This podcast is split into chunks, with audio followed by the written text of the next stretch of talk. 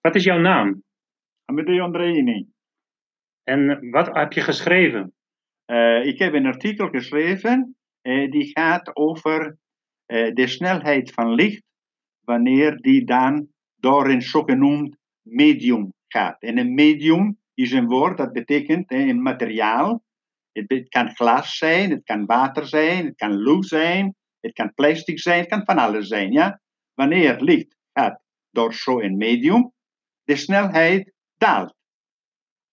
En wat is dat uh, verandering, de nieuwe visie van vergeleken met de huidige visie op het licht? Eh, de huidige visie, sommige mensen, het gewone volk, zegt ja, omdat het licht botst tegen de atomen en door de botsing, de fotonen verliezen dan snelheid. Logisch, ja.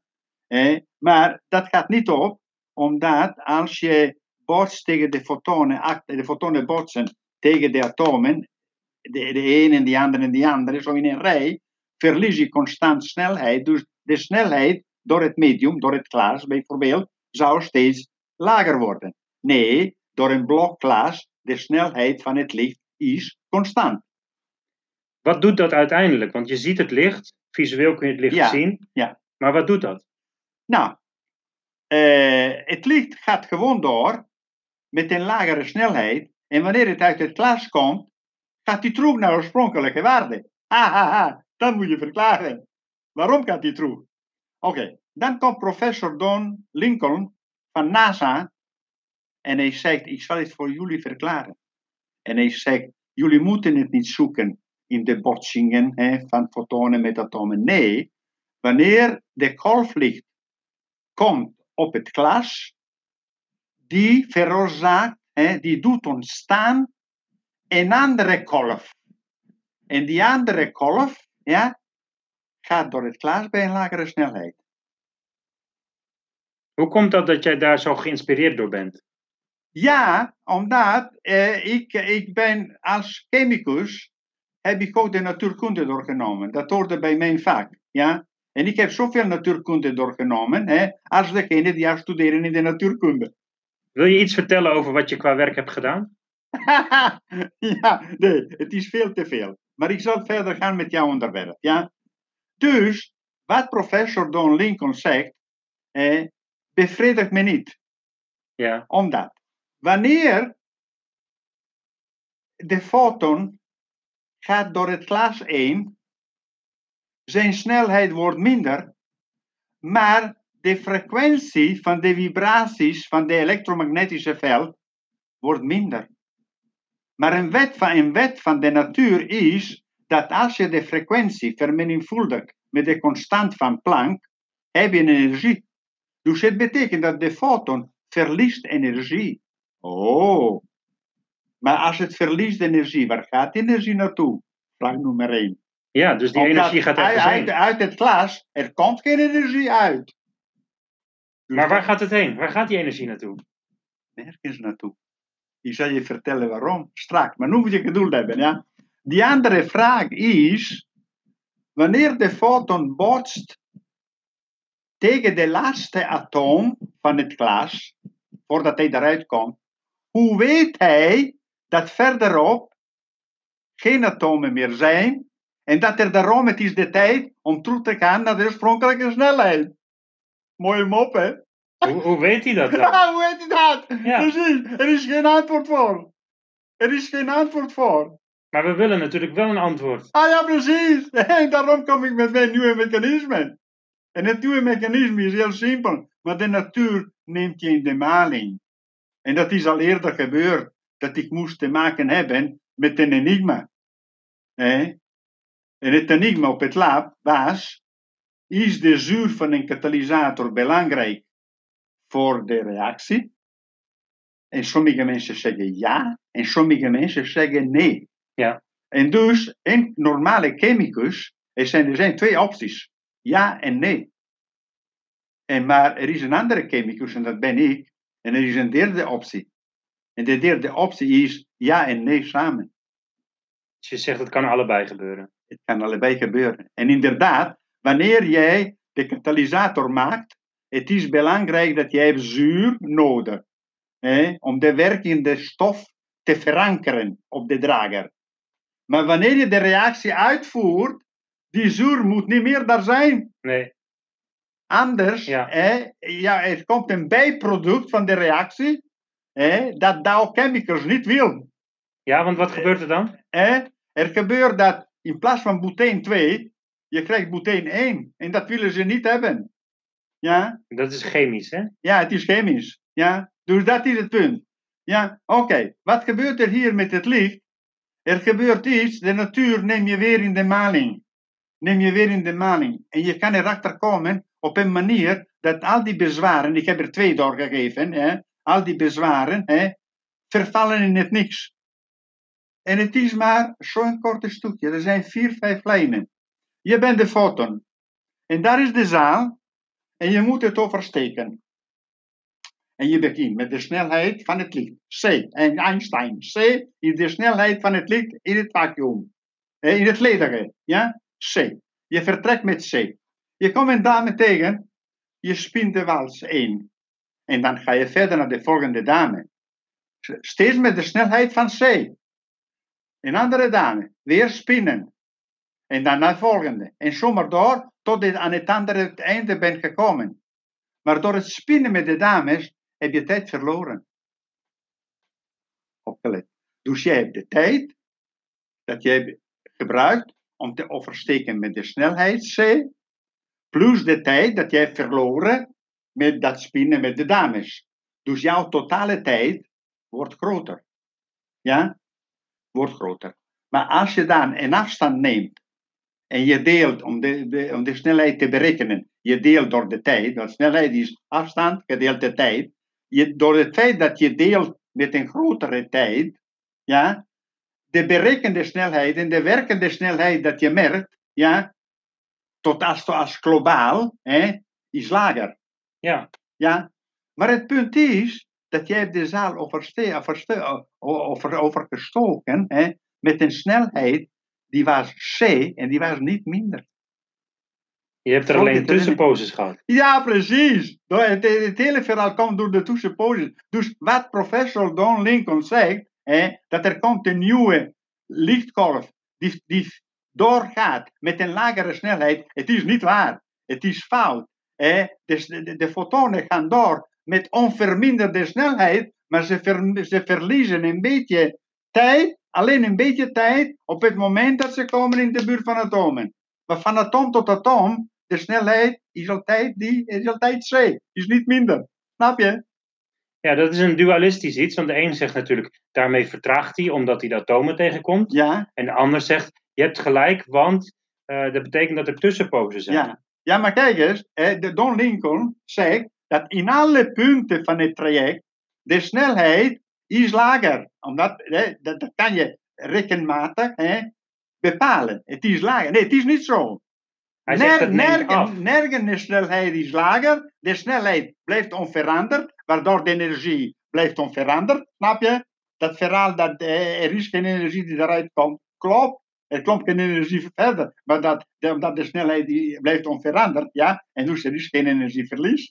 Snap je waarom? Je hebt dit stuk geschreven, maar het is nu gepubliceerd op eh, 2 januari 2020. Ja. En eh, Amadeo, wat is de reden dat je van Chemistry of the Early Cosmos op een gegeven moment een artikel gaat schrijven over dit licht en deze filosofie? Omdat, omdat ik, ik eh, eh, luisterde naar de, naar de lecture eh, op YouTube van professor, professor van dokter Don Lincoln, hè, expert van de NASA. En ik probeerde hè, de twijfels weg te nemen van die mensen hè, die met zo'n simplistisch idee kwamen, hè, dat de fotonen hè, botsen tegen de atomen en dus dat de snelheid wordt lager. Dus ik had een ietsje betere mechanisme. Ja, Hoe kan je dit onderbouwen dat dit zeker begrepen wordt? Want je hebt een stuk tekst het- geschreven. Het is simpel. Hè? Het is een danser die oversteekt een zaal. En zijn snelheid nergens is minder dan wat hij zou hebben als er geen danseressen waren. Het is precies dezelfde. Ja. Maar het trucje zit in het feit dat elke keer dat je in de buurt van een danseresje komt, verliest een klein beetje tijd. En dus aan het einde, jouw klok meet, hè, als je meet van het punt waar het gaat het glas binnen en het punt waar het komt het glas uit, de tijd dat je meet, ja, is ietsje langer dan wat je zou meten hè, als er geen glas was. En dus je berekent en je ziet daadwerkelijk dat het is een lagere snelheid. Maar tijdens zijn, zijn traject hè, van atoom naar atoom, de snelheid is niet verminderd. Het is precies hetzelfde wat het, de foton zou hebben als zij in het vacuüm was, als in het lederde was. Snap je? Zou je iets kunnen vertellen over wat Chemistry of the Early Cosmos is? Nou, dat is weer een langere verhaal. Nou, ja, dat, natuurlijk kan ik iets vertellen. Aan vele chemici, er is iets ontgaan. Ja? Ze zijn niet, niet, niet omdat ze zijn intelligent, of zij het niet kunnen, want het is een simpel idee. Ze hebben gewoon niet opgelegd. En wat, je niet, wat, wat, ze niet opgelegd hebben, eh, en dat zeg ik, ze hebben het niet opgelegd, omdat geen enkele boek van de chemie dat ik heb gelezen, door mijn vingers gehad, ja, deze probleempje wordt aangekaart. Ja, wordt niet aangekaart. En dat verbaast mij, omdat het is zo'n fundamentele kwestie. Hè, dat de, als je in de natuur niet de fundamentele kwestie probeert te beantwoorden, nou, dan, dan, als, als wetenschapper hè, ben je een beetje de weg kwijt. Ja? En het probleem is deze, dat als je bijvoorbeeld eh, eh, op eh, Google gaat en je gaat kijken eh, de chemische samenstelling van de planeten. Neem de, neem, de, neem, neem de zon en de planeten. Ja? Neem de planeten. En je gaat de planeten. Hè? Wat vind je op Mercurius? Wat vind je op Venus? Wat vind je op de aarde, op Mars en zo en zo en zo. De maan bestaat vrijwel allemaal uit zand. Ja. En zand is een bestanddeel van silicium. Ja, wat we gebruiken om chips te maken. Ja? En zuurstof. Dat is zand, hè? Silicium en zuurstof. Maar silicium en zuurstof, in de kern, hebben we een kern die is veel kleiner dan die van ijzer. Ga je op Jupiter, daar vind je veel helium. Helium, het is een van de lichterelementen, ja. Het weegt alleen maar, uh, wat, het weegt alleen maar uh, vier. Hè? En, en ijzer weegt 56, hè? dus ijzer, ijzer is veel zwaarder. Hè? Helium. Je hebt ammoniak. Ammoniak bestaat uit stikstof en waterstof. Ja? Allebei de elementen in de kern hè, hebben een veel kleinere kern hè, dan uh, ijzer. Ja? En zomaar door, Neptunus. En, uh, je kijken naar de samenstelling. Ze zijn allemaal grote hoeveelheden van elementen die lichter zijn dan uh, ijzer. En wat, ja, wij, wat wij op de wereld natuurlijk veel gebruiken. Ja en nee.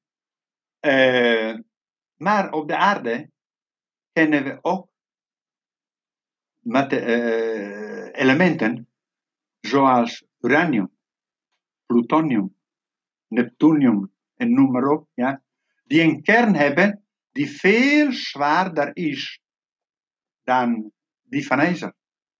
Maar waarom hebben we dat zo weinig? We hebben een enorme overschot aan metallen die lichter zijn dan ijzer en een piepkleine hoeveelheid van elementen die zwaarder zijn dan ijzer. Nou, dat is de vraag. Waarom? En wat is het antwoord? Hoe kan je die verklaren? Hè? Welke fenomeen in de natuur heeft gezorgd hè, voor deze grote verschil? Nou, wij weten een ding, dat alle elementen worden gevormd uit waterstof in sterrenexplosies. Sterren die exploderen en tijdens de explosie maken heel veel energie kwijt. Ja? De temperaturen dan daarbinnen dat gaan naar de miljoenen graden. Ja? Enorme veel energie. En dan heb je het over fusie. Je gaat samen. Precies. En dat komt door het feit dat de lichtere elementen, hè, zoals waterstof, hè, die dan twee waterstofatomen komen bij elkaar en ze vormen een heliumwaterstof en twee heliumwaterstof, drie heliumwaterstof, waterstof, drie heliumatomen, kernen, komen bij elkaar en ze vormen een, atoom, een kern van silicium. Snap je? Dat is aggregatie. Ja? IJzer heeft 26 protonen daarin. Je moet niet denken dat zes verschillende auto's op de weg botsen tegelijkertijd om een kern te maken. Ja? Dat is statistisch onmogelijk. Ja? Het gaat bij aggregatie. Dat betekent twee bij elkaar en dan komt er een andere, twee bij elkaar en dan een andere, twee bij elkaar. En dat kern groeit en groeit en groeit. Hè? Dat gebeurt in de sterren. Dat, dat zijn de supernovas, hè?